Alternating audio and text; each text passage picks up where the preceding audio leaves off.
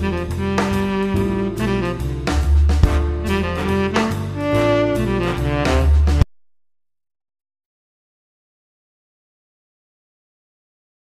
Szanowni Państwo, witam serdecznie. Bardzo miło, że tak licznie zgromadziliście się na bardzo specyficznym wykładzie, jeżeli chodzi o wiedzę poświęconą historii wojskowości i bronioznawstwu.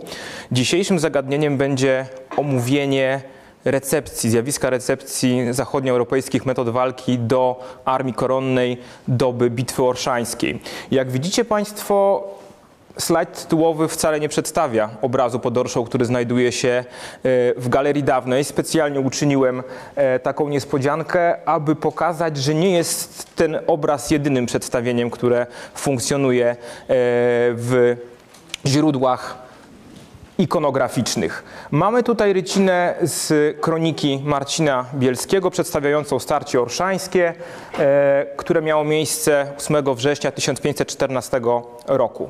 E, Rycina, można powiedzieć, niewykonana z dość y, dużym pietyzmem, nie jest to sztych Direra. Nie przedstawia on też bardzo dokładnie bitwy, jedynie jej krytyczny moment, czyli przeprawę wojsk e, litewsko-polskich przez Dniepr oraz ustawienie w szyku bojowym wojsk moskiewskich. E, Szanowni Państwo, przerzucę teraz na bitwę pod Orszą, którą mamy w galerii dawnej. Jak widzicie, natłok uzbrojenia, natłok z, y, ludzi w pełnym rynsztunku, e, trupów ludzkich, końskich, a także zgiełk bitewny jest tak duży, że z, dużej, że z większej odległości niewiele na tym obrazie widać. E, dlatego będziemy sobie mm, dzisiaj ten obraz rozbijali na pewnego rodzaju e, kwarty, dzięki którym dowiemy się, jak bitwa przebiegała, ale przede wszystkim skupimy się na recepcji metod walki. Jeżeli chodzi o zjawisko recepcji, jest ono bardzo wyraźne e, w wojsku ostatnich Jagiellonów. Tak naprawdę od rządów Kazimierza Jagiellończyka mamy pierwsze zjawiska recepcji prowadzenia metod walki, jeżeli chodzi o, e, o sposób zachodnioeuropejski. Kazimierz Jagiellończyk już podczas wojny trzynastoletniej jako pierwszy władca posługuje się na skalę dość dużą żołnierzem zaciężnym. Żołnierz zaciężny pojawił się w Europie w pierwszej połowie, pod koniec pierwszej połowy wieku XV. E, pojawił się on na Półwyspie Apenińskim, pojawił się w Niemczech, w cesarstwie, pojawił się w Szwajcarii. Były to wojska, które ewoluowały z wojsk najemnych, czyli można powiedzieć, że różnica między żołnierzem zaciężnym a najemnym polega na tym, że żołnierz najemny ma dowódcę, który jest właścicielem oddziału, natomiast żołnierz zaciężny jest dowódcą królewskim i właścicielem oddziału staje się bezpośrednio władca, opłacając oddział i dowódcę. W przypadku wojska najemnego było to bardzo różnie, niejednokrotnie najemnicy podczas działań zbrojnych przechodzili w trakcie bitwy z jednej strony na drugą. Przy zaciężnych było to znacznie mniej możliwe. E, szanowni Państwo, armia koronna i armia armia litewska ruszająca pod Orsze wystawiła około 35 tysięcy żołnierzy. To, można powiedzieć, olbrzymi wysiłek e, militarny i finansowy dla Rzeczypospolitej, dla Królestwa Jagiellonów. E, nie można było zlekceważyć przeciwnika, który miał czekać po drugiej stronie Dniepru. E, w 1512 roku po, po, rozpoczęciu działań zbrojnych, które Wasyl wznowił, e, próbując oblegać Smoleńsk, e, można powiedzieć, że Wielkie Księstwo Moskiewskie przegoniło ilościowo i częściowo też jakościowo armię litewską. Nie było tak łatwo z armią koronną. Armia litewska, w której służyło głównie pospolite ruszenie ziemskie, składała się raczej z lekkiej jazdy o, niedużym, e, o niedużej sile przebicia, jeżeli chodzi o uzbrojenie ochronne i zaczepne. Była idealna do manewrów podjazdowych, do długich rajdów, do wyczerpujących gonitw, gonitw oraz do starcia z przeciwnikiem lekkim, takim jak Moskwa, Tatarzy, Wołosi. Natomiast armia koronna, która funkcjonowała na dużo większej ilości frontów, ponieważ funkcjonowała na froncie wschodnim, wschodnim, funkcjonowała na froncie północno-zachodnim, gdzie mamy zakon krzyżacki, funkcjonowała na froncie południowym, gdzie mamy e, Wołochów, musiała radzić sobie w różny sposób. Musiała mieć wojska dostosowane do rajdów po szerokich stepach, musiała mieć wojska dostosowane do prowadzenia oblężeń, a także wojska do starcia w polu z ciężko zbrojnym przeciwnikiem metodą średniowieczną. Początek wieku XVI to moment, kiedy Europa ewoluuje w sztuce wojennej. E, największym poligonem, który do tej pory miała okazję Europa oglądać, to Półwysep Apeniński, wojny włoskie, starcia wojsk hiszpańskich, francuskich i cesarskich o prym na terenie Włoch, próba zjednoczenia niektórych y, fragmentów tego półwyspu i próba zdobycia hegemonii.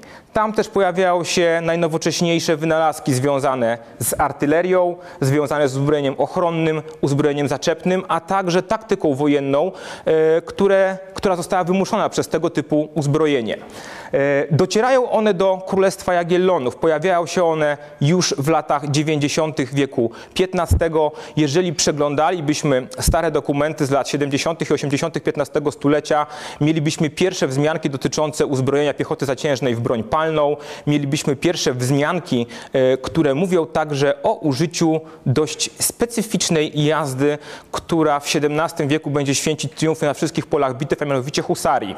E, część z Państwa może od razu mi powiedzieć, panie Tomaszu, ale husaria to wymysł wschodni albo południowo-wschodni, bo faktycznie używaliśmy husarzy, e, którzy pochodzili z terenów dzisiejszej Serbii, husarzy bałkańskich, a także husarzy węgierskich. Zgadzam się, oczywiście nazwa sama gusar, złodziej, rozbójnik pochodzi z języka serbskiego, byli to jeźdźcy bardzo lekko uzbrojeni, natomiast model używania tej jazdy wziął się z zachodu Europy, bo wziął się z Wenecji. E, Wenecja jako pierwsza zaczęła używać jazdy serbskiej, serbskiej przeciwko przeciwko Turkom. Turcy y, na Bałkanach raczej używali ze względu na rzeźbę terenu jazdy lekkiej i również tutaj jazda ciężka wenecka, rycerstwo północno-włoskie nie było w stanie walczyć skutecznie z tego typu przeciwnikiem, stąd bardzo chętnie używano dość tanich, bardzo skutecznych i bardzo e, wojowniczych e, Serbów, którzy chętnie za jednego Florena dawali bardzo wiele z siebie na polu bitwy. Szanowni Państwo, e, przejdziemy sobie teraz e, do niektórych elementów obrazu, będziemy go omawiać po kolei, natomiast samą chronologię obrazu omówimy na końcu. Tak jak mówiłem, w przypadku polskiej, staropolskiej sztuki wojennej, która pod koniec XV i na początku XVI wieku można powiedzieć, rodziła się, tworzono ją na polach bitew, mamy pewnego rodzaju konglomerat. Konglomerat złączony z sztuki polskiej rodzimej, ze sztuki wschodniej oraz ze sztuki zachodnioeuropejskiej. E, jak Państwo widzicie, mamy tutaj element obrazu, początek obrazu można powiedzieć, przedstawiający jeszcze wozy które podróżują w stronę przeprawy, wozy obsadzone piechotą strzelczą, strzelcy z wycelowanymi lufami różnic i arkebuzów w stronę przeciwnika. Przy zakolu Dniepru mamy poniżej sztab dowódczy, przy którym e, prym wiedzie hetman wielki litewski Konstanty Ostrogski, to ten starzec z brodą w czerwonym stroju z piękną złoconą szablą. Następnie mamy ów husarzy. E, husarze tutaj e, wyjątkowo prezentują się jako jazda lekko zbrojna. Jak Państwo widzicie, mają przy sobie tarcze, co jest jedynym elementem uzbrojenia ochronnego, tarcze węgierskie bądź tureckie, skośne, chroniące jeźdźca od głowy z tyłu poprzez cały tułów, tak żeby podczas ucieczki miał zabezpieczone plecy, a żeby swobodnie mógł operować szablą i kopią. E, kopie husarzy e, służących w wojsku polskim pod Orszą były znacznie lżejsze od rycerskich, miały około 3-3,5 metra długości, ważyły kilka kilogramów, były też drążone. No i jako broń, którą husarze używają broń przyboczną, mamy szable. I tutaj mamy pierwszy element recepcji, ale wschodniego rynsztunku. Szable typu węgierskiego pochodzą z Turcji. Są to szable o dość dużej krzywiźnie, jak Państwo widzicie, szable o otwartym jelcu, otwartej rękojeści. E, natomiast pojawia się przy tych szablach, zaraz Państwu pokażę na eksponacie, jeden element, który pojawił się z Europy Zachodniej. Mamy tutaj podobną szablę. To jest szabla akurat wierna kopia z wieku XVII, szabla polsko-węgierska z charakterystycznym łańcuszkiem. Kształtem faktycznie przypomina szablę węgierską, którą mają husarze. E, natomiast mamy coś takiego, co nazywamy paluchem. Jest to pierścień,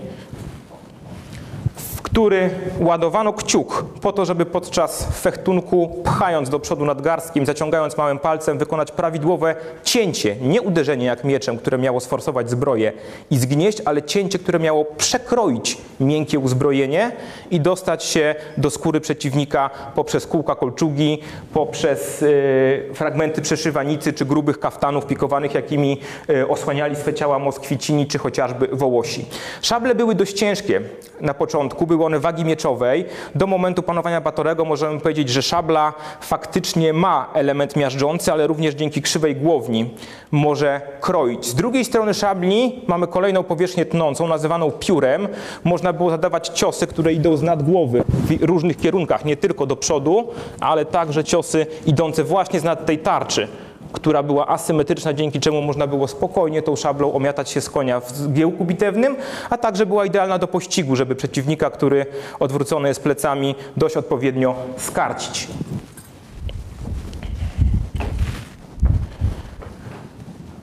Jak Państwo widzicie, mam tutaj husarza, który taką szablę właśnie ma. Jest tarcza, jest kopia, no i dziwny strój. Mamy cylinder ze szkofią. Te cylindry były wykonane z filcu. W środku prawdopodobnie części były metalowe, tak żeby chronić głowę. A może nawet były pewnego rodzaju stelaże, które przypominały konstrukcją czako-ułańskie, tak żeby po prostu głowa była chroniona przed uderzeniem szablą. Szablą XVII-wieczną, taką jak znamy z filmu o panu Wołodyjowskim czy o Kmicicu było ciężko zabić. Szabla była XVII-wieczna zbyt lekka, cięcie musiało być bardzo precyzyjne, musiało trafić gdzieś w okolice tętnic, żeby z tych tętnic upuścić odpowiednią ilość krwi. Natomiast bezpośrednie uderzenie w głowę raczej kończyło się utratą przytomności, może rozbiciem czaszki, ale rzadko kiedy śmiercią. No chyba, że przeciwnik był silny, tak jak Longin pod Lipięta, żeby jednym cięciem po prostu przeciąć od szczęki do pachwiny. Ok, mamy tarcze. Szanowni Państwo, tarcze husarskie były wykonane z drewna, tak jak tarcze zachodnioeuropejskie. Jedynymi tarczami, którymi, y, które wykonywane były z metalu, były to tarcze dla piechoty. Z reguły funkcjonowały one e, wśród kawalerów mieczowych na Malcie, na, Rodo, na Rodos, e, pojawiały się także wśród uzbrojenia hiszpańskich tercios. Chodziło tylko o to, żeby ta tarcza odbiła pierwszy atak broni drzewcowej i y, dochodziło do walki wręcz w skróconym dystansie, czy walki przy użyciu broni białej. Natomiast tarcze husarskie, e, jak i pawężki kopijników zachodnioeuropejskich miały przyjąć cios i sklinować broń w środku. Jeździec ciężkiej jazdy w XV wieku, z okresu bitwy pod Grunwaldem, zużywał podczas takiej bitwy 10 tarcz. Bo po każdej tarczy, tarcz, e, po każdej szarży, tarcza wykonana z desek lipowych, praktycznie trzaskała, trzeba było wymienić, gdyż była zbyt delikatna, ale faktycznie przy pojedynkach czy przy walce na broń białą, miecze, broń obuchowa, która wbijała się, czy broń typu nadziak albo topór, po prostu więzła w tej tarczy, ciężko było ją wyciągnąć.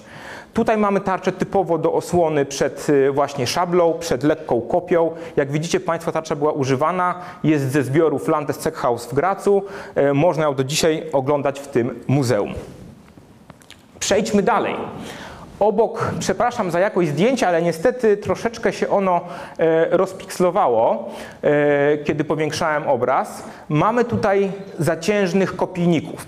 Jak Państwu już mówiłem, strona korony wystawiła 14 do 15 tysięcy e, zaciężnej jazdy, która oczywiście nie była tak doborowo w pełni ubrana jak na tym fragmencie obrazu. Prawdopodobnie nikogo nie byłoby stać, żeby ekwipować tak doskonale wyposażoną jazdę w tak doskonałym rynsztunku. Mamy dowódcę, prawdopodobnie jest to pan Wojciech Sampoliński albo pan Świeczkowski, którzy dowodzili oddziałami kopijników. I oczywiście jeźdźców rycerzy, którzy przeprawiają się w pław. Można powiedzieć, że to niebezpieczne i faktycznie, ponieważ y, no, rycerz w zbroi nie będzie skutecznie pływał. Koń poradzi sobie. Człowiek, kiedy spadnie do wody w zbroi, niekoniecznie. Jak widzicie Państwo, konie również są w pełnym rynsztunku. Zbroję końską nazywamy ladrowaniem. Mogła ona być fragmentaryczna, chronić niektóre części konia, jak głowę, e, pod, e, fragment podgardla, kark czy tułów, a tutaj mamy konie w pełnym rynsztunku i proszę mi wierzyć, że w listach przypowiednich, które e, pokazują, jak wyposażeni byli rycerze na różne wyprawy, rycerze zaciężni e, od XV do XVI wieku, tylko Kilkadziesiąt przypadków jest, kiedy jest wymienione, że jakiś koń znajduje się pod ladry stalnymi. Czyli było to tak drogie przedsięwzięcie, że rycerze rezygnowali z tego kosztem własnej, znaczy nie, nie, byli w stanie e, wyposażyć i rumaka, i siebie, ponieważ obie, oba komplety uzbrojenia były niesamowicie drogie. Niejednokrotnie kosztowały po kilkanaście wsi. Jeżeli chodzi o przeliczenie tego na gotówkę, to można było zapłacić zbroj, za zbroję od kilkunastu kiepską do kilku tysięcy za niesamowicie zdobioną florenów, e, co stanowiło niemałe fortuny nawet dla niektórych władców. E, a specjalizowali się w zbrojach niestety, moi państwo, nie nasi płatnerze, ale płatnerze włoscy i płatnerze niemieccy. Stąd wyposażenie ciężkiej jazdy kopijniczej w ilości 14 tysięcy świadczy tylko i wyłącznie o tym, że ci rycerze musieli korzystać z zakupów zagranicznych, ze zdobyczy wojennych, a także kompletować zbroje z części. Nie wszystkie były można powiedzieć, zamówionym zestawem, kompletem u płatnerza, ponieważ nie byłoby na to czasu. Zbroja powstawała też kilka miesięcy. Gdyby kilkunastu czy kilkudziesięciu płatnerzy e, koronnych miało wyposażyć całą armię, zajęłoby im to kilka lat. Stąd no, było to niemożliwe, gdyż armia stałaby się po prostu kompletnie niemobilna.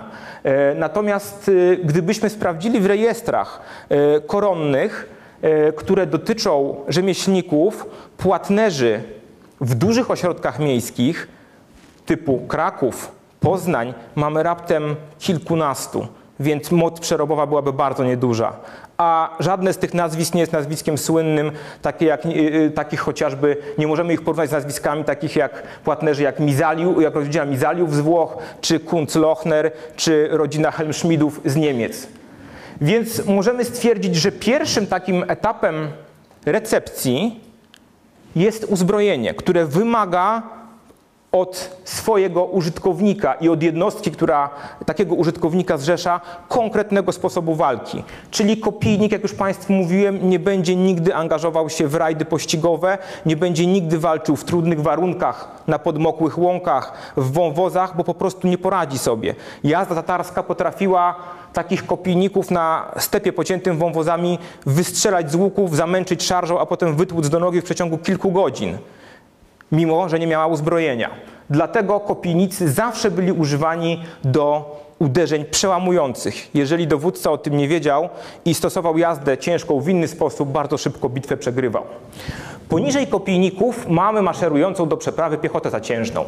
Jak widzicie Państwo, są to żołnierze wyposażeni w broń drzewcową. Wzorem niemieckich Landsknechtów i szwajcarskich jednostek bojowych, które odnosiły triumfy podczas wojny, e, wojny wojen włoskich, e, Idealnie mamy wyposażonych wszystkich w broń drzewcową. Mamy tu różnego rodzaju e, elementy. Spisy węgorzowe, czyli inaczej szydła, spisy skrzydełkowe, pojawiały się halabardy, pojawiały się glewie. Mamy różnego rodzaju broń, która również w przypadku piechurów szwajcarskich i landknechtów nie była identyczna. Dopiero landknechci niemieccy y, zaczęli używać długich pięciometrowych pik, które miały zatrzymać, y, zatrzymać szarże ciężkozbrojnej jazdy i to się udawało, ale ten typ walki również możemy uznać za element recepcji do polskich metod. E, jeżeli chodzi o koniec XV i początek XVI wieku, e, polska strona, strona koronna, ale także strona litewska posługiwała się taktyką nazywaną starym urządzeniem polskim. Formowano wojsko w trzy rzuty.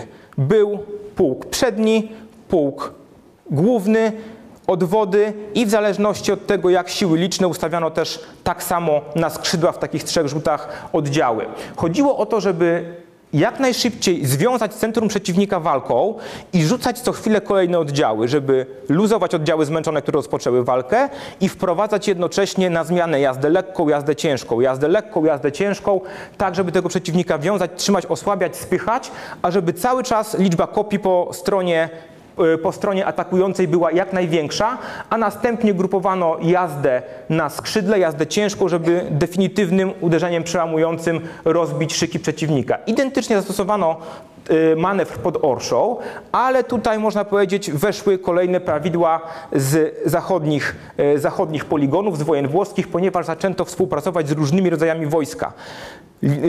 Moskale wystawili do tej bitwy tylko i wyłącznie kawalerię. Natomiast polska strona wystawiła jazdę ciężką, jazdę litewską lekką, jazdę o charakterze tatarskim, również lekką pościgową, piechotę zaciężną, a także artylerię. Więc można powiedzieć, że armia była wzorowo uzbrojona na wzór armii zachodnich, które walczyły pod Mediolanem, pod Bikoczą, pod Pawią i Rawenną. Proszę zwrócić uwagę właśnie na ladrowanie, również z Gracu. Jest ono niemal identyczne z tymi, które pojawiały się na obrazie orszańskim. Mamy pełne ladry, koniec osłonięty, nagłówek, nakarczek, podgardle, e, fragment napierśnika, elementy chroniące zad, boki, e, wysokie łęki siodła rycerskiego i faktycznie koń razem z jeźdźcem w ten sposób uzbrojony od drugiej połowy XV wieku po połowę wieku XVI jest liczony za 100 pieszych żołnierzy.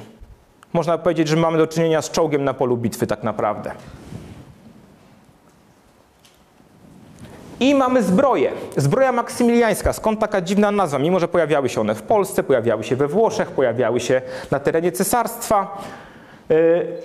Bardzo wielu historyków uważa, że zbroja maksymiliańska stąd, że cesarz Maksymilian I Habsburg uwielbiał tego typu kanelowanie jako wzór zbroi i stąd te wszystkie zbroje noszą tego typu ornament. Faktycznie możemy tą nazwę przypisać temu zjawisku, natomiast nie chodziło tylko i wyłącznie o walory ozdobne. Zbroja, która jest y, kanelowana, może być nieco lżejsza, a ranty powodują to, że zbroja jest dużo bardziej odporna niż zbroja gładka. Stąd yy, tego typu wzór oczywiście zbroję upiększa, ale dodatkowo czyni ją bardziej praktyczną. Przyjrzymy się teraz elementom zbroi. Mamy tutaj hełm typu przyłbica z zasłoną miechową, czyli faktycznie przypomina ona rozpostarty miech. E, mamy kirys złożony z napierśnika i naplecznika. Mamy naramienniki asymetryczne, ponieważ pod lewą pachą, przepraszam, pod prawą pachą mamy hak do kopii, na którym kopia się opiera, gdyż XVI-wieczna jazda nie używa już tarcz, przynajmniej bardzo rzadko. Raczej jazda lżejsza, jazda kopijnicza te tarcze odrzuca, ponieważ były niewygodne, a bardzo często podczas bitwy trzeba było posługiwać się złomkiem kopii, mieć wodzę w ręku, w, drugim, w drugiej ręce miecz albo młotek rycerski i ta tarcza byłaby w tym momencie super zbędna. Poza tym zbroje były już na tyle doskonałe i na tyle rozbudowane, że cios miecza Cios broni białej, takiej zbroi nic nie robił poza zadrapaniem bądź wgnieceniem. Tą zbroję trzeba było przebić kopią, rozbić buzganem, zrobić dziurę nadziakiem. Zobaczymy dzisiaj tego typu elementy, przestrzelić z kusz albo z broni palnej. Natomiast Tatar z łuku mógłby do tego rycerza strzelać, strzelać i musiałby znaleźć miejsce, gdzie jest tylko chronione kolczugą, czyli pod pachą, bo ewentualnie fragmenty kolan jeszcze mogły być odsłonięte z drugiej strony, ale kiedy jeździec siedzi na koniu, ma ręce złożone, jest to prawie niemożliwe. Mamy też nakrycia głowy, które pojawiały się w piechocie zaciężnej i u niektórych jeźdźców. Salady to rodzaj hełmu, który wywodzi swą nazwę od łacińskiego słowa celatim, czyli sekretnie. Kiedy jeszcze rycerstwo w XIII, pod koniec XIII i na początku XIV wieku używało hełmów wielkich, hełmów garnczkowych, pod ten hełm, szczególnie do turniejów i do bitwy, e, zakładano małą, płytką miseczkę żelazną bądź stalową na głowę, żeby dodatkowo chroniła od razów kopii, od uderzeń, czyli hełm sekretny. Następnie ten hełm sekretny, który stanowiłby o mniej więcej taką część salady, został przerobiony. Otrzymał dłuższe boki, otrzymał ranty, otrzymał ruchomą zasłonę i zaczął chronić głowę w całości. Dodatkowo w XV wieku bo salada to jest typowo XV-wieczny hełm. Do, w drugiej, w, pod koniec pierwszej połowy zaczęto dorabiać podbródek wraz z obojczykiem bądź sam podbródek. E, w źródłach pojawia się łacińsko-niemiecka nazwa, że jest to celata albo salada cum bart, czyli właśnie z podbródkiem, inaczej kołnierzem hiszpańskim, który był mocowany do zbroi i rycerz miał tak naprawdę hełm zamknięty, który chronił podgardle, chronił całą twarz, chronił kark tym wypuszczonym z tyłu kołnierzem, a dodatkowo w momencie, kiedy chciał oddychać, mógł po prostu podnieść brodę, otworzyć sylwetkę, otworzyć zasłonę i powietrze, a uwierzcie mi Państwo, w takiej zbroi powietrza po godzinie bardzo szybko brakuje, nawet jeżeli nic nie robimy. E, trzeba było go nabierać jak najwięcej do walki. Jeżeli chodzi o sam przebieg starć ciężkiej jazdy, e, taka jazda walczyła jednorazowo do kilkudziesięciu minut czyli było potężne uderzenie na kopie, szarża, przełamanie szyków przeciwnika, próba starcia na broń białą i jeżeli szarża nie przyniosła skutku, jeżeli przeciwnika nie rozerwano szyków, jeżeli przeciwnikowi, jeżeli przeciwnika nie zepchnięto z pola bitwy, ustępowano. Pierwsze szeregi wycofywały się, ostatnie kontynuowały ataki, aż do momentu, kiedy ostatni z jeźdźców nie zjechał z pola bitwy i kiedy już widać było, że jazda ciężka nie da rady, w, jej, w miejsce chorągwi, która uderzała, wchodziła następna, po to, żeby obserwować przeciwnika, wiązać go walką, dać moment na odwrót, czyli właśnie typowa metoda starego urządzenia polskiego. Szanowni Państwo, mamy teraz bardzo ciekawą scenę. Polska piechota zaciężna walcząca z Moskwicinami. Na pierwszym planie mamy tutaj dwóch rycerzy, którzy występują w przedziwnych zbrojach. Obie te zbroje możemy uznać za pewnego rodzaju, a właściwie nie pewnego rodzaju, tylko po prostu recepcję e, uzbrojenia zachodnioeuropejskiego. Są to zbroje z takimi spódnicami, które oczywiście były zrobione tak, żeby można było się w nich poruszać, były bardzo szerokie, ale są to typowo zbroje turniejowe, wykonane do turnieju pieszego, po to, żeby rycerz miał e, swobodę poruszania się, a doskonale zabezpieczone nogi. Więc takie zbroje na polu bitwy w żadnym wypadku by się nie pojawiły.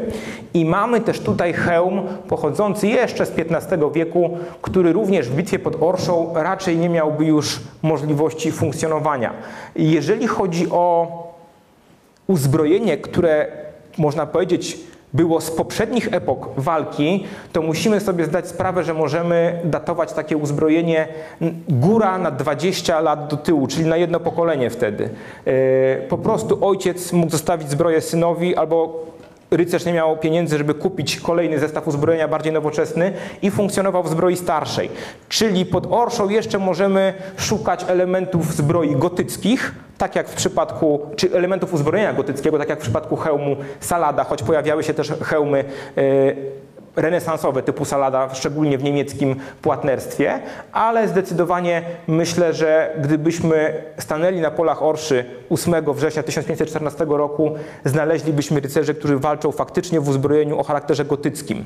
E, niemieckim płatnerzom tak bardzo spodobał się ten styl, oni zresztą byli jego twórcami, że kontynuowali go aż do lat 20 wieku XVI i zbroje gotyckie już troszeczkę w mniej średniowiecznej formie pojawiały się na polach bitew. Mamy tutaj jeszcze dodatkowo, proszę Państwa, piechotę strzelczą. Proszę zwrócić uwagę, piechota strzelcza zasłonięta jest formacją pawężników. Następnie mamy tutaj właśnie e, ludzi z rusznicami bądź arkebuzami. W tym wypadku w większości to rusznice, gdyż arkebuz dociera do naszego kraju jako kolejny element recepcji na dużą skalę dopiero podczas bitwy pod Obertynem, czyli lat 30., początku lat 30. wieku XVI, aczkolwiek musimy zdawać sobie sprawę, że jako pojedyncze egzemplarze na pewno funkcjonowały i na polach bitew, i jako, e, jako broń myśliwska, bądź jako broń osobista ludzi bardzo zamożnych. E, proszę zwrócić uwagę na rycerzy, żołnierzy pieszych, którzy walczą bronią drzewcową. Odpierają oni atak Moskwicinów, następnie będzie następować salwa i mamy pawężników, którzy chronią, e, mamy pawężników, którzy chronią strzelców, czyli taki typowy kolejny system polskiego ustawienia piechoty. Natomiast podczas tej bitwy, o czym opowiem e, za chwilkę, pojawił się system ustawienia piechoty typowo zachodnioeuropejski, jaki stosowali Niemcy i Szwajcarzy podczas bitew pod Pawią, podczas bitew pod Rawenną czy podczas bitwy pod Marignano. Mamy tutaj wzory broni. Rusznica bardzo prosta, arkebus nieco bardziej skomplikowany. Czym różniła się ta broń? Rusznica na łożu, które można powiedzieć, że odrobinę przypomina konstrukcją karabin, miała język spustowy i zamek o charakterze lądowym. Czyli język spustowy był literą S, z jednej strony naciskano, z drugiej strony były szczypce, które trzymały rozżarzony ląd. Ląd opadał na panewkę z prochem, oddawano strzał.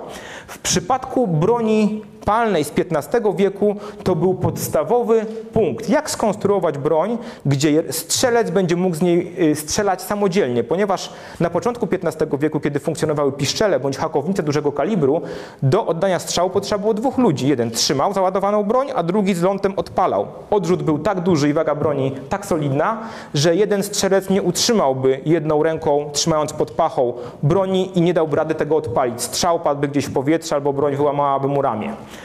Stąd powstały właśnie rusznice. Broń nieco krótsza, o mniejszym kalibrze, skuteczniejsza, o większej sile przebicia.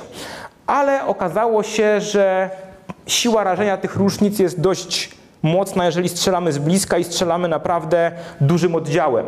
Trzeba było broni, która będzie w stanie powstrzymywać jazdę, w szczególności ciężką, z większej odległości. Powstał arkebus. Broń o innej kolbie, którą można było przycisnąć już do ramienia i wycelować. Lufy często były wyposażone już w muszki, które umożliwiały celowanie. I mimo tego, że zamek który uruchamiał, e, uruchamiał wystrzał, nadal był lądowy, spust działał inaczej. Spust już był językiem spustowym, osobno była dźwignia, panewka była zasłonięta, więc proch nie wylatywał, nie był tak łatwy do zamoczenia. Broń mogła strzelać na dużo większą odległość, ale była droższa w eksploatacji, ponieważ, jak pisze Hetman Tarnowski w swoim dziele Concilium de Bello Rationis, trzeba było dwa razy tyle prochu, co do różnicy, żeby oddać strzał z arkebuza. Stąd do późnych lat XVI wieku, bo aż do czasów panowania Stefana Batorego e, i jego triumfu chociażby pod Pskowem czy Wielkimi Łukami, większość e, piechoty posługuje się różnicami, znacznie mniej posiada arkebuzy, chyba że były to oddziały doborowe. Oba rodzaje broni palnej przywędrowały do nas z Niemiec i z Włoch, więc znowu nie mamy, e, nie możemy pochwalić się własnym wynalazkiem. Kolejnym, dużo lepszym elementem, który pojawił się na polach bitew e, jako broń masowego rażenia pod Pawią w 1525 roku był muszkiet, o którym u nas w ogóle nie słyszano. Wiedziano, że mniej więcej taka broń istnieje, natomiast nikt jej nie używał, bo była za droga. Aczkolwiek niesamowicie skuteczna, bo i donośność strzału, inny kaliber, siła przebicia, okazywało, okazało się, że broń spokojnie powstrzymuje e, atak jazdy, jeżeli mamy zorganizowany, e, zorganizowany czworobok muszkieterów, którzy są osłonięci przez pikinierów i dodatkowo pawężników. Jedną salbą byli w stanie zachwiać impet jazdy, pikinierzy przyjmowali jazdę na siebie, a następnie przeładowywano broń i albo wiązano jazdę do walki wręcz, albo oddawano kolejne salwy e, właśnie metodą niemiecką czy metodą włoską. I bardzo ważny element artyleria, proszę Państwa. Moskwicini artylerii nie mieli. Artylerii nie miał też pod Mochaczem Ludwik Jagiellończyk. Turcy posiadali, stąd jak gdyby tak ciężka klęska. Mamy tutaj działo, które przeprowadzamy przez most. I mamy tutaj dwa elementy recepcji. Artyleria, jeżeli chodzi o XV wiek, e, rozwinęła się najbardziej we Francji. E, władcy francuscy już od e, końca wojny stuletniej zaczęli inwestować bardzo mocno w park artyleryjski, który był konieczny do prowadzenia oblężeń. E, w naszym wypadku te oblężenia nie miały tak często miejsca, a bardzo często zdarzało się tak, że na wschodnich rubieżach twierdze były ziemno-drewniane i ciężko było do nich strzelać, po prostu kule się odbijały albo więzły w piachu, więc y, można powiedzieć, że artyleria nowoczesna świetnie sprawdzała się przeciwko twierdzom murowanym, dużo gorzej przeciwko twierdzom stepowym, jak Państwo widzieli w Panu Włodyjowskim Chreptyjów, to była twierdza z wałem bardzo mocnym, y, osadzonym palisadą z drewnianymi elementami. I podczas kronik opisujących oblężenie Staroduba kule artyleryjskie odbijały się od drewnianych belek, które były ułożone na piachu i wracały do obozu przeciwnika. Więc y, trzeba było uważać, trzeba było naprawdę prowadzić zupełnie inny ogień, zupełnie inną amunicją. W XV wieku bardzo często pojawia się amunicja kamienna, która nie jest w stanie sprostać ścianom zamków i twierdz. No, a we Francji mamy pierwsze wynalazki. Przede wszystkim kule żeliwne, kule stalowe, kule lane, które druzgoczą mury. Kolejna rzecz. Mamy łoża, które są ruchome. Wcześniej artyleria była ustawiana na pewnego rodzaju łożach, które nazywano kozami. Miały one cztery nogi, trzeba było lufę przenosić ręcznie. Czyli zmiana pozycji artyleryjskiej podczas bitwy praktycznie była nierealna. I bardzo często ta artyleria padała łupem przeciwnika, ponieważ e, jeżeli jazda dobrała się do skóry artylerzystom, nie byli oni odpowiednio uzbrojeni ani wyszkoleni w walce, żeby przeciwstawić się atakowi konnych żołnierzy. Natomiast tutaj mamy już działo osadzone na łożu ruchomym.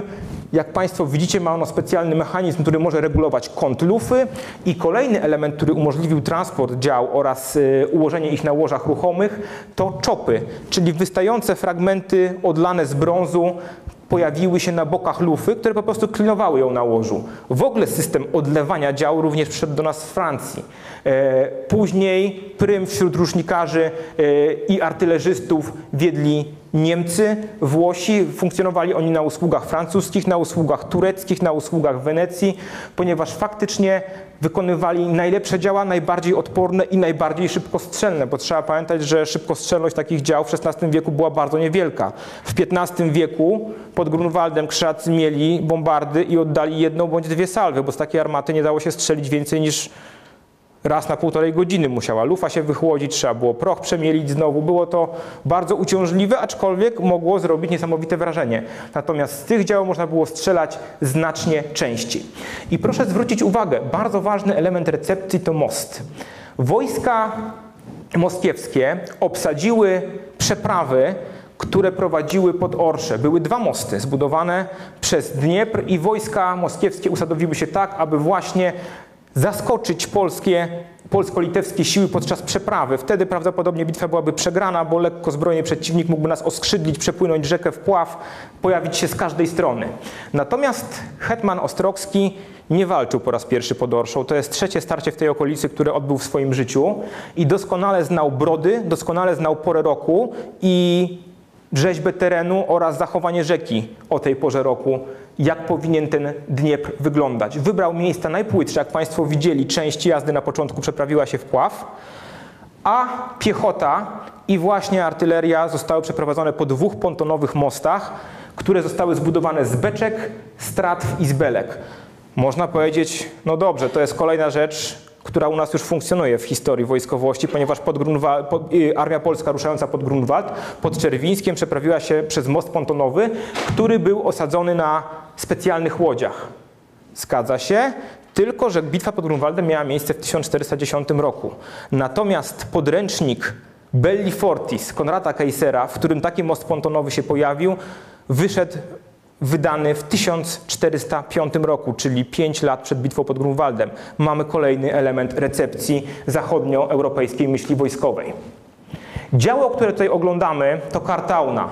No, przynajmniej bardzo ona ją przypomina, kartauna bądź taraśnica, e, bądź szrotownica. Były to rodzaje dział o dość krótkiej lufie, dużym kalibrze i strzelały one pociskiem rozproszonym, czyli były one przeciwpiechotne tak naprawdę. Nie było to działo oblężnicze, aczkolwiek były kartauny, których podczas oblężeń używano, ponieważ można powiedzieć, że artyleria wtedy była dość uniwersalna. A tutaj podczas bitew w polu używano go typowo, ładowano amunicję typu gwoździe, można było załadować tłuczone kamienie, można było załadować puszki z kulkami, tak jak typowy kartacz, które jeszcze wtedy się nie pojawiły, ale można było załadować tłuczone szkło i w piechotę taką salwę oddać. Było to dużo bardziej skuteczne niż pojedyncza kula, e, która po prostu zmiotłaby jeden szereg, przetoczyłaby się, natomiast rozproszony pocisk raził w przeciągu kilkudziesięciu metrów chmurą e, wszystkich pieszych żołnierzy, którzy byli, e, którzy byli w jego zasięgu, a trzeba zwrócić uwagę, jak Państwo widzicie, że piesi żołnierze raczej w większości noszą hełmy, które nie są zamkniętymi, czyli twarz i oczy są odsłonięte. Przy urazie oczu żołnierz jest niezdatny do walki.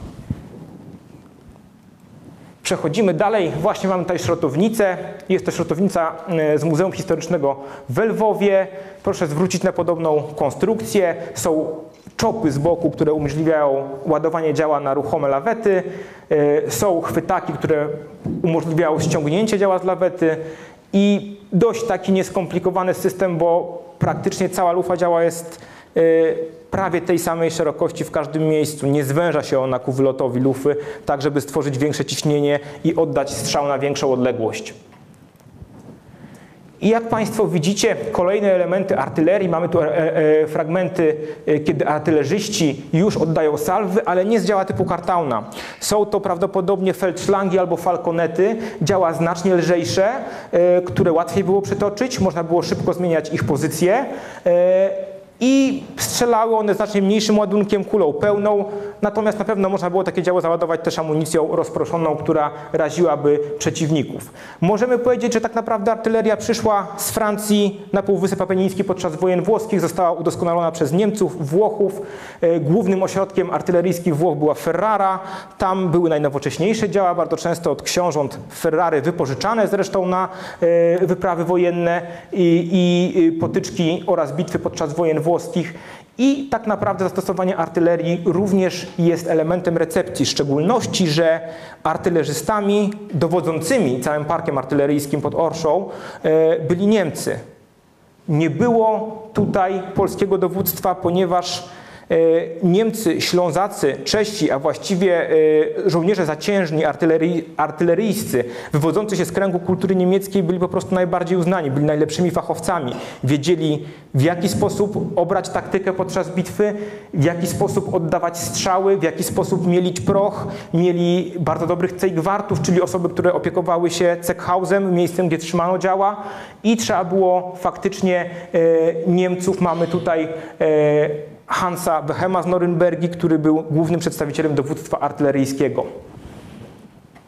Również w przypadku piechoty zaciężnej dowódcy pochodzą z Niemiec e, albo i ze Śląska. Mamy tutaj e, Jana Gorguta, który od 1509 roku znajduje się na żołdzie jagiellońskim i dowodzi piechotą e, oraz Hansa Weissa, który również, który również pochodził z terenów Niemiec. E, natomiast najciekawszym elementem, e, jeżeli chodzi o formacje e, koronne, które pojawiły się pod Orszą, to formacje inżynieryjskie, którymi dowodził pan Baszta. Był autorem pomysłu, jeżeli chodzi o most pontonowy. Pan Baszta pochodził z Żywca, był mieszczaninem, ale jego zainteresowania i wiedza związana z historią wojskowości zachodniej były na tyle duże, że orientował się w prawidłach i nowinkach. Same formacje saperskie inżynieryjne pojawiły się w, na Półwyspie Apenińskim najbardziej skuteczne, jeżeli chodzi o działania, pojawiły się u Hiszpanów. E, to oni budowali różnego rodzaju urządzenia, oni budowali wały, kontrwały, e, potrafili usypywać na szybko mini twierdze ziemne, potrafili budować mosty i proszę Państwa, takie mosty pontonowe pojawiły się w 1503 roku, y, pojawiły się pod Ravenną w 1512 roku, pod Bicoccio, pod Garigliano. Natomiast jeżeli chodzi o siłę uderzenia ognia piechoty, to Bicoccia, Ravenna, Pavia, Agnadello to momenty, kiedy piechota radzi sobie już bez problemu siłą ognia z ciężką jazdą.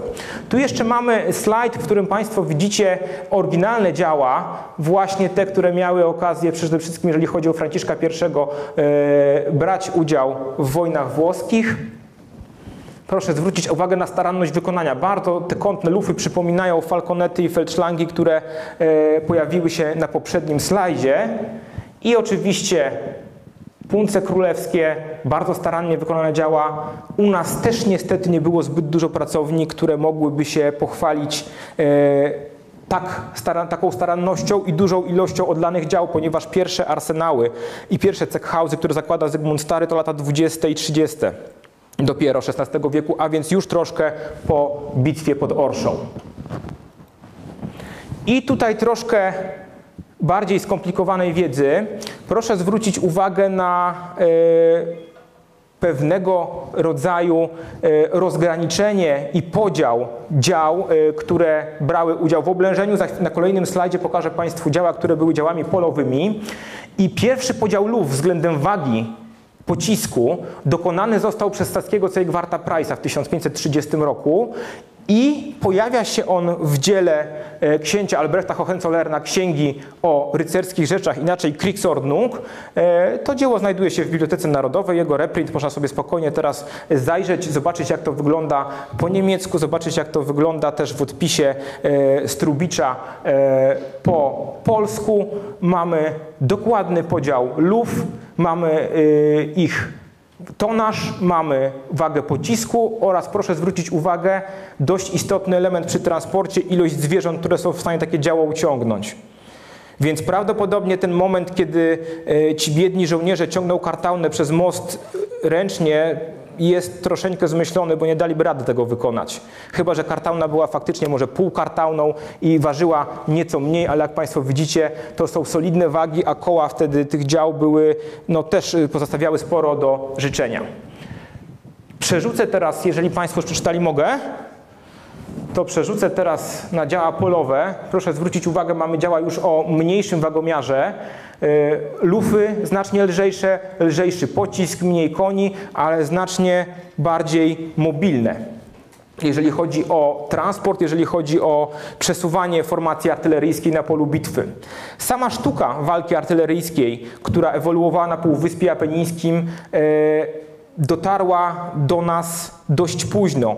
Mimo tego, że pojawiła się artyleria w bitwie pod Kleckiem w 1506 roku pod Wiśniowcem przeciwko Tatarom, to były to pojedyncze działa kilka raptem, które nie odegrały specjalnie dużej roli w trakcie działań zbrojnych. Pierwszą bitwą, w którym połączenie sił piechoty, jazdy i ognia artyleryjskiego dały efekt zwycięski na tak dużą skalę, to dopiero Orsza.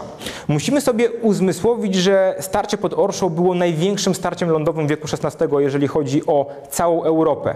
Żadna armia na Półwyspie Apenińskim nie była tak liczna, jak armia moskiewska i jak armia litewsko-polska, która stawała na polach Orszy. E, jeżeli chodzi o siły moskiewskie, mówi się o niesamowitej liczbie 80 tysięcy, jakie Wasyl III miał do dyspozycji w trakcie bitwy pod Orszą. Nie jest to prawda. Podczas starcia górną granicą wojsk moskiewskich, górną granicę wojsk moskiewskich możemy oceniać na 50 tysięcy. Duża część była w zdobytym Smoleńsku, który padł w kwietniu 1514 roku. Duża część była w wojsk, obsadziła twierdze sąsiednie i Część wojsk patrolowała też tereny, więc tych 80 tysięcy, te 30 spokojnie możemy odliczyć jako, e, jako załogę twierdz, bo Wasyl spodziewał się, że Smoleńsk będzie odbijany, a straż przednia, która miała do tego nie dopuścić, liczyła między 40 a 50 tysięcy. Jeżeli chodzi o siły polskie, to jak Państwu mówiłem, to 35 tysięcy, czyli 14 tysięcy jazdy kopijniczej ciężkiej, 2,5 tysiąca chówców ochotniczych i nadwornych, 3 tysiące piechoty i około 15 tysięcy jazdy ziemskiej litewskiej. I proszę Państwa, przechodzimy sobie teraz do chronologii obrazu. E, zaczynamy, można powiedzieć, troszkę od początku. Mamy armię maszerującą wzdłuż zakola rzeki, fragment przeprawy lekkich husarzy, następnie fragment przeprawy ciężkich kopijników, ułożenie mostu pontonowego. Za plecami mamy starą, zniszczoną twierdzę, która nie bierze udziału w starciu i tak naprawdę e, możemy powiedzieć, że armia w tym momencie była najbardziej bezbronna. Gdyby Moskwicini wykorzystali ten moment, Prawdopodobnie, jak już Państwu mówiłem, czy to byłaby przeprawa przez most, czy przeprawa przez brud, bitwę byśmy przegrali. Ale Ostrowski znalazł brud, który był 5 km dalej od przepraw regularnych i udało się ten brud, e, przez ten brud przejść armii tak, żeby nie osiągnąć żadnych strat. Oczywiście trzeba wziąć pod uwagę to, że pojawiały się straty tak zwane marszowe, czyli ktoś utonął, ktoś dostał czerwonki i się odwodnił, ktoś zdezerterował, e, ktoś próbował e, zgwałcić chłopki, został powieszony na, przez wyrok hetmański, ktoś próbował uciec z wojska i został złapany przez, e, przez żołnierzy i też jego losy były niewiadome. Więc tak naprawdę przy tak dużej armii trzeba liczyć, że około 3000 ludzi rozpłynęło się w powietrzu. Albo pochorowali, albo podezerterowali, albo zostali po prostu skazani w trakcie, w trakcie kampanii na gardle. I teraz, proszę Państwa, zrobimy sobie troszkę pokazu, jeżeli chodzi o uzbrojenie, żebyśmy nasz wykład odrobinę urozmaicili. Mamy uzbrojenie husarskie. Pokazywałem Państwu y, szable, ale też bardzo często husarze używali uzbrojenia obuchowego. Używali go też bardzo często rycerze. Mamy młotek rycerski, nazywany inaczej nadziakiem, e, który poprzez swój kruczy dziób bez problemu rozbijał wszystkie hełmy. Praktycznie jeździec, który tego używał, jeżeli uderzył kogoś w zbroję, w hełm, we fragment napierśnika, zostawiał ten młotek. Nie było sensu go wyciągać, byłoby to ciężkie, zabierało to czas, więc dużo ciał na polu bitwy znajdowano właśnie z tego typu urządzeniem zamontowanym w jakąś część zbroi. Mamy także buzdygan, który może kojarzyć się z przedmiotem służącym do dowodzenia, czyli buławą, ale buzdygan jest typowo o charakterze bojowym, o ile buława jest o charakterze e, reprezentacyjnym, jest o charakterze symbolicznym, jest symbolem dowództwa, to tutaj mamy po prostu e, z niemiecka nazywany Ritterskolbe, czyli po prostu maczugę rycerską, która również swym uderzeniem kruszy hełmy, elementy zbroi i jest o tyle przydatna i wygodna, że nie zostawiamy jej w przeciwniku, bo jest bronią typowo miażdżącą. Ona po prostu rozrywa fragmenty zbroi, miażdży do środka, powoduje powoduje rany tłuczono, gniecione i możemy cały czas ją mieć przy sobie, nie musimy jej nigdzie zostawiać. Y, jeżeli Państwo będziecie mieli okazję dziś czy y, w najbliższym czasie pojawić się przed oryginalnym obrazem, jeżeli Państwo zerkniecie bardzo dokładnie, szczególnie w szeregi wojsk, y, szeregi wojsk zaciężnych, tam pojawi się tego typu broń. Mamy także broń formacji lekkich, e, służących po tatarsku, a także pojawiającą się u Moskwicinów. Łuk i strzały, proszę Państwa. Z jednej strony broń, która można powiedzieć zostaje wypierana przez broń palną, a z drugiej strony broń, która jest cały czas niesamowicie skuteczna. Wszystkie łuki, które pojawiają się w tych bitwach Orsz, pod Orszą, pod Obertynem, to łuki refleksyjne. Jest to łuk... E, który ma służyć jeźdźcowi, więc nie może być zbyt długi, nie może być długim łukiem angielskim, który ma około dwóch metrów, bo byłby niewygodny. Łuki znacznie krótsze o refleksyjnym kształcie, e, dzięki temu ich siła była znacznie większa przy niedużym naciągu e, i zasięg znacznie, znacznie dalszy. O ile łuk angielski nosił na, w górnej granicy na 300 kilkadziesiąt metrów, o tyle łuki wschodnie, refleksyjne i rotofleksyjne mogły przekroczyć metrów 700. Więc e, ten strzał naprawdę był znacznie, znacznie, znacznie dalszy i oczywiście penetracja takiej strzały była znacznie mocniejsza. Łuk refleksyjny po napięciu wygląda w ten sposób. Po naciągnięciu ma taki kształt.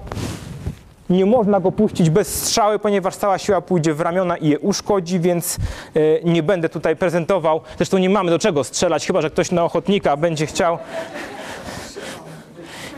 zastrzelonym, tak. I mamy jeszcze łuk rotofleksyjny, łuk o charakterystyce bardziej węgierskiej, południowej, natomiast również bardzo podobnych używali Mongołowie, również podobnych używali Chińczycy. To jest już łuk o walorach bojowych, proszę Państwa, prawie 80 funtów na ciągu. Taki łuk jest w stanie bez problemu przestrzelić kolczugę, natomiast niestety nie poradzi sobie ze zbroją płytową. Troszeczkę inna konstrukcja, dłuższe ramiona, łuk odrobinę większy i wymagający znacznie większej siły do napięcia i posługiwania się nim niż e, łuk poprzedni, który napinałem. No i oczywiście amunicja w sposób wschodni, turecki, noszona w tego typu kołczanie, e, strzały, były wykonane z drewna, zaopatrzone w stalowy bądź żelazny grot, z drugiej strony lotki i nasadka, tak żeby umieścić strzałę na cięciwie, ustabilizować lot, wyrzucić jak najdalej i jak najcelniej. Natomiast jak Państwo się domyślacie, kiedy pokazujemy to tutaj, wszystko wygląda fajnie, natomiast na koniu i dzieje się z tym w ten sposób. I wtedy z tego konia trzeba zsiadać, a w szyku tego nie wolno zrobić, albo policzyć od kolegi kilka strzał, co również jest niemożliwe, bo ma określoną ilość. Dlatego pojawiły się kołczany, które były specjalnie skonstruowane i te strzały były usytuowane w specjalnych przegródkach. Może było ich troszkę mniej, natomiast podczas jazdy nie wysuwały się, a w momencie strzału jeździec nie musiał patrzeć na strzałę, wyjmował, napinał łuk, strzała była w ręku. Niektórzy nawet używali samego łuku, żeby napiąć strzałę, czyli na samą cięciwą, ruchem cięciwy łapali nasadkę, wyjmowali już strzałę gotową do użycia. E, jeszcze jako ciekawostka, hełm, który tutaj się niestety nie pojawia na naszym obrazie, ale pojawi się on w bitwie pod Obertynem, będzie hełmem głównym używany przez piechotę, a także przez husarię. Mówiliśmy sobie o husarii węgierskiej, mówiliśmy sobie o husarii serbskiej, ale powstała też husaria typowo polska. O ile serbska była jazdą lekką, węgierska posiadała elementy uzbrojenia typu kolczugi, to polska husaria posiadała hełmy, naręczaki, obojczyki i kolczugi, była jazdą średnio zbrojną. E, nie mamy jej tutaj w bitwie pod Orszą na obrazie uwiecznionej. Prawdopodobnie jeszcze w tym etapie e, rozwoju sztuki wojennej nie pojawiła się ona na polu bitwy, ale hełm szturmak już pod, y, pod Obertynem w latach 30. był hełmem najbardziej używanym. Dlaczego? Idealny dla strzelca pieszego, ponieważ twarz odsłonięta, a cała głowa zasłonięta przed uderzeniami. Czaszka, twarz, szyja, idealnie plus uszy, które przy wystrzale naprawdę z broni czarnoprochowej mocno pracują. W przypadku jeźdźca, który atakuje, mamy zasłonę tak zwaną typu węgierskiego, podobną troszeczkę w konstrukcji do zasłony do tego podbródka, który miała salada. Jest ona składana, więc możemy ją opuszczać. Płatnerze tutaj pomyśleli o, o tego typu mechanizmie. Możemy ją podnosić. Chroni ona dokładnie twarz w trakcie walki. Kiedy jestem zmęczony, mogę ją sobie tutaj o, czy poprosić giermka, żeby tą zasłonę opuścił, ale rycerz z reguły robił to sobie sam. Więc mamy hełm bardzo, bardzo uniwersalny. E, No i przejdziemy sobie do fragmentu kolejnego obrazu. Przeprawiliśmy się przez Dniepr. Jesteśmy gotowi do walki, ale nie do końca, bo trzeba się wysuszyć na brzegu, jak Państwo widzą. Tutaj zdejmowane buty, wychlapywana woda. Część kopijników będzie robiła to samo. I mamy kopijników suszących się, elementy zbroi zdjęte, ale niedługo trzeba będzie uszykować wojska do walki. E, Około 9 rano wojska polskie były już, i, i litewskie były już gotowe, były w szyku bitewnym i oczekiwały na Moskwicinów, którzy już się zorientowali, że obsadzenie obu przepraw nie dało nic i wojska polskie przeprawiły się przez Dniepr. Można powiedzieć, że sytuacja była dość groźna, ponieważ za plecami wojsk polsko-litewskich znajdowała się rzeka. Taktycznie nie do końca idealnie. Ale jak już Państwu mówiłem, hetman Ostrowski, który się w tym obrazie symultanicznym pojawia znowu tutaj, doskonale wiedział, co robi. Jak widzicie Państwo, hetman Ostrowski jest umieszczony w zagajniku. I faktycznie pod Orszą były nieduże wąwozy, które przysłonięte drzewami i zaroślami dały idealne schronienie dla artylerii i piechoty. Moskwa nie wiedziała o tym, że posiadamy tego typu formacje wojskowe i nie wiedziała, że jesteśmy w stanie na taką skalę ich używać. Kiedy żołnierze zostali uszykowani do walki, Mamy tutaj szyki, mamy chów czelny, tutaj chów czelny ze strony moskiewskiej, e, mamy chów walny i zaczyna się, można powiedzieć, drobny problem z oglądaniem obrazu, bo w którą stronę teraz należy spojrzeć. Ciężko jest, e, ciężko jest się zorientować. Natomiast kiedy znamy prawidłowy przebieg bitwy pod Orszą z kronik i wszelakich innych źródeł, to jesteśmy w stanie odtworzyć go po kolei. E, Najpierw dowódcy czekali na siebie bardzo długo. Dopiero około 12 rozpoczęła się bitwa, czyli jedna i druga armia stała naprzeciwko, dokonywano ustawień wojska, przegrupowania, Moskwicini próbowali oskrzydlić naszą armię, co się nie do końca udało, aż w końcu do, dowie- do, doszły do dowódców taktycznych komendy, że należy ruszyć do walki. Jak Państwo widzicie, tutaj mamy prawdopodobnie dowódcę rosyjskiego, e, moskiewskiego. Czeladnina jest z podobnym kołczanem, ma pęk strzał, wykonuje gest ręką, który świadczy o tym, że zaraz da rozkaz do uderzenia i jazda moskiewska, lekko uzbrojona, z toporkami tutaj przy sobie, z różnego rodzaju właśnie bronią drzewcową, obuchową, będzie uderzać. E, udało się naszym dowódcom doskonale to przewidzieć. Pierwszy uderzył skłócony podczas tej kampanii z Czeladninem e, Golica. Uderzył on na swoim prawym skrzydle na pułki lewej ręki armii litewsko-polskiej. Tam bardzo mocno został postawiony mu opór, ponieważ przeciwko nim zostały wystawione chorągwie kopijnicze Świerczowskiego i Sampolińskiego, które swoim uzbrojeniem i impetem zatrzymały uderzenie, ale ponieważ nie były tak liczne jak pułk prawej ręki Golicy, zostały lekko zepchnięte, wykorzystały ten moment na pozorowaną ucieczkę i wciągnęły w zarośla, gdzie czekała artyleria i piechota, całą, całą lewą, e, całą prawą flankę moskiewską. Kiedy prawa flanka moskiewska dostała się pod ostrzał, proszę sobie wyobrazić, lekko uzbrojeni jeźdźcy, nieodporni na ogień z broni palnej, otrzymują salwy z dział, z broni ręcznej i napotykają piechotę ustawioną wzorem Landsknechtów. Niemieckich, nie wzorem Polski, że mamy pawężników, których można przełamać i zaatakować strzelców, ale na początku mamy pikinierów i żołnierzy z bronią drzewcową, którzy stanowią las Żelazny las, który nie pozwala przedrzeć się jeździe, tym bardziej lekkiej. Z boku tych żołnierzy i przed nimi w luźnych grupach stoją strzelcy, którzy się natychmiast chowają. To jest tak zwany system zarękawia, czyli ustawiony za rękawem strzelec z boku. Następnie mamy głównych pawężników, którzy chronią strzelców i ostatnie 7-8 rzędów to sami strzelcy, czyli bardzo głęboki szyk ustawiony identycznie jak pułk Landsknechtów, który z reguły liczył około 5 tysięcy żołnierzy. A więc bardzo głęboko, nie bardzo długo, tak żeby tego pułku nie można było oskrzydlić na długość, a nie na szerokość. Tutaj wojska moskiewskie prawej ręki są spychane, rozbijane i topią się w Dnieprze. Część już tutaj, jak widzimy, z trwogą w oczach e, idzie e, w popłochu, e, odchodzi z pola walki. Dowódcę Golice osłania jeden łucznik. To jest bardzo ładna scena, kiedy on jest skręcony, strzela tyłem do przeciwnika. I również, jak Państwo zobaczycie, mają szable wschodnie, taką mniej więcej, jaką dzisiaj widzieliśmy. Kniaź Golica ucieka z pola walki, mamy łucznika, który go chroni i za chwilkę podobna sytuacja będzie miała po lewej stronie. Lewą, lewym e, ugrupowaniem na lewym skrzydle dowodził książę Czeladnin i tutaj mamy, przepraszam, książę Obołoński. E, mamy tutaj sytuację, kiedy widząc klęskę pułku prawej ręki, obo, kniaź Obołoński decyduje się na uderzenie z, prawej, z lewej flanki. Lewa flanka również nie daje sobie rady, ponieważ naprzeciwko niej stoi bardzo doświadczony wódz, wojewoda kijowski Jerzy Herkules Radziwiłł. Przy pomocy lekkiej jazdy litewskiej oraz e, formacji husarskich rozbija atak lewego skrzydła, a następnie spycha Moskwicinów w stronę głównego, głównego y, ugrupowania wojsk, w stronę pułku czelnego y, i głównego, gdzie następuje pewnego rodzaju wymieszanie. Widząc to dowódcy pułku czelnego próbują wysłać na pomoc część wojsk, ale robi się chaos.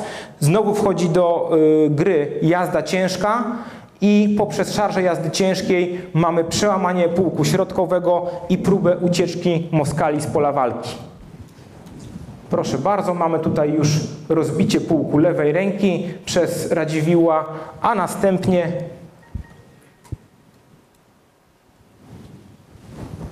podsumowanie naszego wykładu. Szanowni Państwo, y, jak widzicie, bitwa pod Orszą jest bardzo dobrym przedstawieniem zjawiska recepcji na poziomie uzbrojenia ochronnego zaczepnego, na poziomie dowództwa kadry taktycznej oraz żołnierzy zaciężnych, bo większość piechoty była z kręgu kultury niemieckiej, ze Śląska, z Czech, częściowo z Niemiec.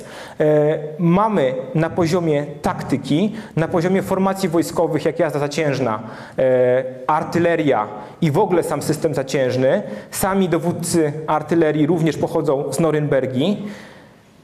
System wojowania artylerią z Francji poprzez Półwysep Apeniński wojny włoskie dociera w takiej, a nie w innej formie do Królestwa Jagiellonów. Także użycie ręcznej broni palnej można tutaj podkreślić, że jako kluczowy element bitwy użycie artylerii i ręcznej broni palnej, która święci triumf, jeżeli chodzi o, e, jeżeli chodzi o wojny włoskie. I Mam nadzieję, że zachęci to Państwa, żebyście jeszcze nawet dziś albo przynajmniej w tym tygodniu spróbowali stanąć przed oryginałem i zobaczyć, jak on wygląda naprawdę. Tutaj były kadry z tego obrazu, natomiast y, wygląda on majestatycznie. Jest to obraz wykonany na deskach. Y, pochodzi najprawdopodobniej z pierwszego, z, pierwszej, z pierwszego trzydziestolecia wieku XVI. Wykonany został przez artystę z kręgu Łukasza Kranacha, o czym świadczy chociażby bardzo specyficzny detal, mianowicie, mianowicie końskie oczy, tak zwane oczy wodzące, oczy ludzkie, które bardzo przypominają kształtem i spojrzeniem oko człowieka. Właśnie malarze z tego kręgu w ten sposób próbowali malować oczy końskie nie tylko na obrazie pod Orszą, ale w wielu innych dziełach z tego okresu możemy zaobserwować taką manierę.